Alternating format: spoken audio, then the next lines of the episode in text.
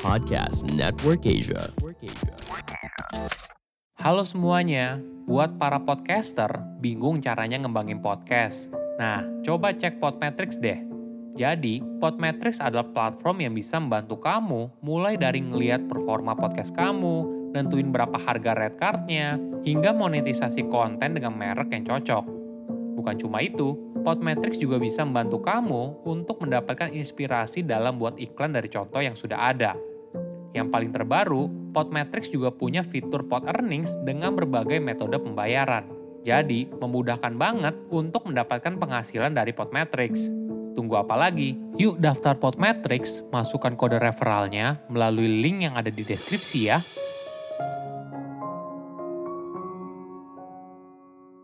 Peluang ada di sekitar kita jika kamu jeli dalam melihatnya. Halo semuanya, nama saya Michael. Selamat datang di podcast saya, Sikutu Buku. Kali ini saya akan bahas kisah inspiratif dari Robert Samuel, CEO dari Same Online Dudes, sebuah layanan untuk antri beli apa pun. Pada tahun 2012, Robert dipecat dari pekerjaannya dan jadi pengangguran. Kini, dia merupakan CEO dari perusahaan yang mempekerjakan puluhan orang menawarkan jasa antri dalam beli barang apa pun dengan penghasilan ribuan dolar sebulan atau setara dengan puluhan juta rupiah. Sebelum kita mulai, buat kalian yang mau support podcast ini agar terus berkarya, caranya gampang banget. Kalian cukup klik follow. Dukungan kalian membantu banget supaya kita bisa rutin posting dan bersama-sama belajar di podcast ini.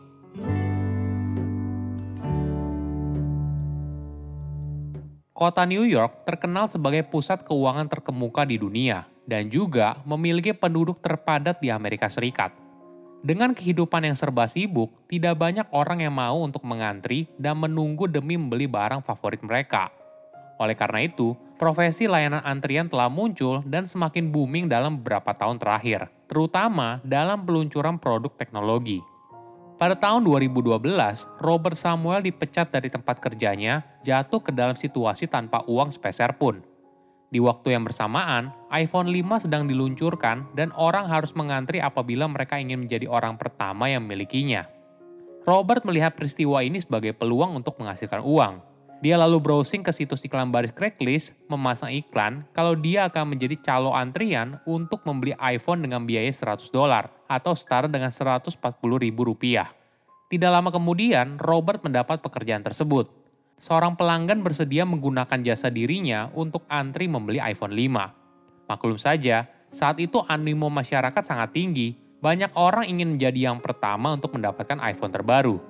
Namun, ketika hampir gilirannya tiba, pelanggan tersebut memberitahu Robert kalau mereka telah membeli iPhone secara online, tapi mereka tetap membayar Robert secara penuh. Hal ini lalu membuat Robert menjual antriannya kepada orang lain. Setelah 19 jam menunggu untuk membeli iPhone 5, Robert berhasil mengumpulkan 325 dolar atau setara dengan 4,5 juta rupiah. Pada saat itu, dia menyadari bahwa ini adalah cara yang bagus untuk menghasilkan uang Robert lalu memanggil teman-temannya untuk ikut berbaris. Tidak hanya itu, mereka juga membawa lima karton susu dan menjualnya kepada para penggemar Apple yang sedang menunggu untuk membeli. Saat itu, mereka berhasil menjual empat posisi antrian dan susu dengan total penghasilan mencapai 14.000 dolar atau setara dengan 196 juta rupiah. Pengalaman ini sangat berbekas dalam diri Robert Hingga pada bulan Desember 2012, dirinya mendirikan Same Online Dudes yang menawarkan layanan jasa antrian. Saat itu, Robert tidak langsung bekerja full-time. Dia masih bekerja sebagai concert di sebuah gedung mewah di Brooklyn. Beberapa temannya juga ikut bergabung dan menjadi karyawan Robert. Setiap kali ada konsumen baru, Robert mengirimkan pesan ke puluhan temannya dan melihat siapa yang bersedia mengambil pekerjaan tersebut. Seorang teman yang sekarang menjadi karyawannya sangat berdedikasi dan bersedia menunggu dalam antrian selama 43 jam untuk audisi Shark Tank di Denver. Jerih payahnya berhasil berkontribusi sebesar 800 dolar atau setara dengan 11,2 juta rupiah bagi perusahaan. Robert mengaku kalau dia tidak sengaja menjadi pengusaha. Pada tahun 2013, chef terkenal dunia bernama Dominic Ansel membuka toko roti di sebuah department store. Dominic menjual cronuts yang merupakan kombinasi croissant dan donat dalam jumlah yang terbatas. Robert lalu melihat ini sebagai peluang bagi perusahaannya untuk berkembang. Dia memposting di Craigslist setiap hari tentang layanan antrian perusahaannya. Dia juga berusaha merekrut lebih banyak teman untuk dapat melayani pelanggan dengan segera. Biaya yang ditawarkan adalah 60 dolar atau setara dengan 840 ribu rupiah untuk pembelian dan pengiriman dua kronat. Meskipun agak mahal dibandingkan harga aslinya yaitu 5 dolar per kue atau setara dengan 70 ribu rupiah per kue. Perbedaan harga ini tidak menyurutkan semangat pelanggan. Masih banyak saja pelanggan yang menggunakan jasa Robert.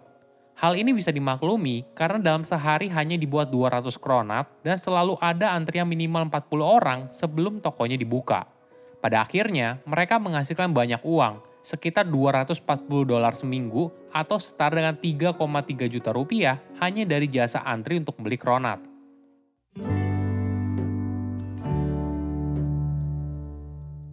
Kesuksesan ini membuat perusahaannya menjadi viral.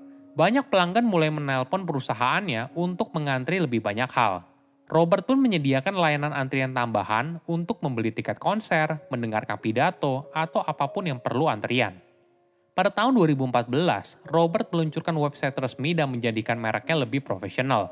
Maklum saja, banyak orang menawarkan jasa serupa di internet. Namun Robert berbeda karena dia menggunakan nama perusahaan bukan personal, sehingga hal ini membuat orang lain lebih percaya. Robert juga selalu minta karyawannya untuk mengirimkan foto di mana mereka berada, Selain dikirim kepada konsumen, foto tersebut juga akan diposting di media sosial perusahaan untuk meningkatkan kredibilitas perusahaannya. Walaupun jabatannya sebagai CEO, dia tidak segan untuk turun langsung ke lapangan. Ketika tidak ada pelanggan, Robert terbiasa jalan-jalan untuk memberikan kartu nama, atau dengan lembut bertanya kepada orang yang sedang antri apakah mereka lelah. Jika iya, dia bisa menggantikan mereka untuk antri. Robert bahkan menuliskan nama perusahaannya di trotoar New York, dekat toko roti Kronat, Apple Store, atau pintu masuk kereta bawah tanah. Karena dirinya mulai bisnisnya dari nol, dia pun berinvestasi dan memberikan perhatian kepada karyawannya. Dia membeli tenda dan mencetak logo perusahaan dengan warna kuning agar bisa nyaman digunakan oleh karyawan sekaligus beriklan. Maklum saja, karyawannya kadang harus mengantri sekitar 7 hingga 8 jam atau bahkan semalaman ketika suhu bisa turun hingga di bawah 0 derajat Celcius.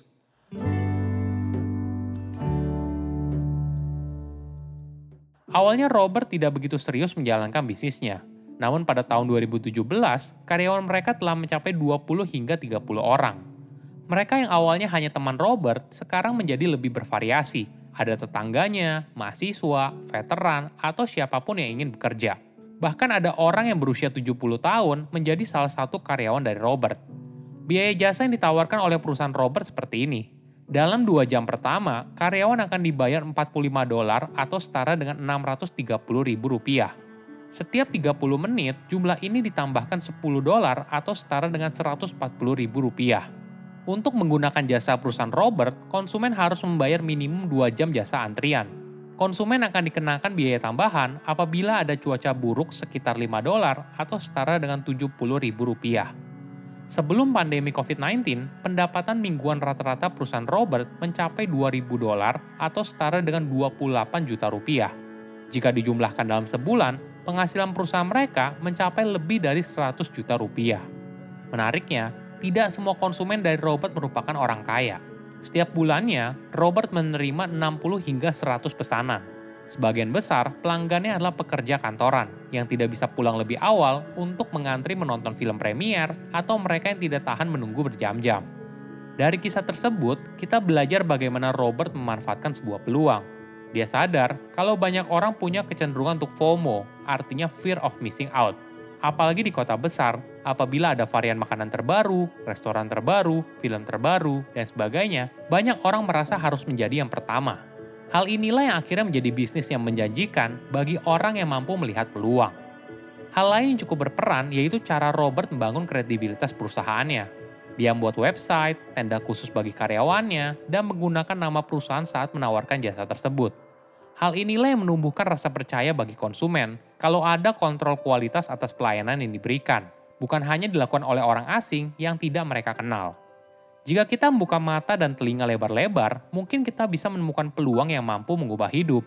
Saya undur diri, jangan lupa follow podcast Sikutu Buku. Bye-bye.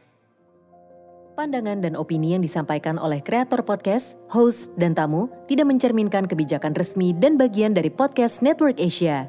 Setiap konten yang disampaikan mereka di dalam podcast adalah opini mereka sendiri dan tidak bermaksud untuk merugikan agama, grup etnik, perkumpulan, organisasi, perusahaan, perorangan, atau siapa pun dan apa pun.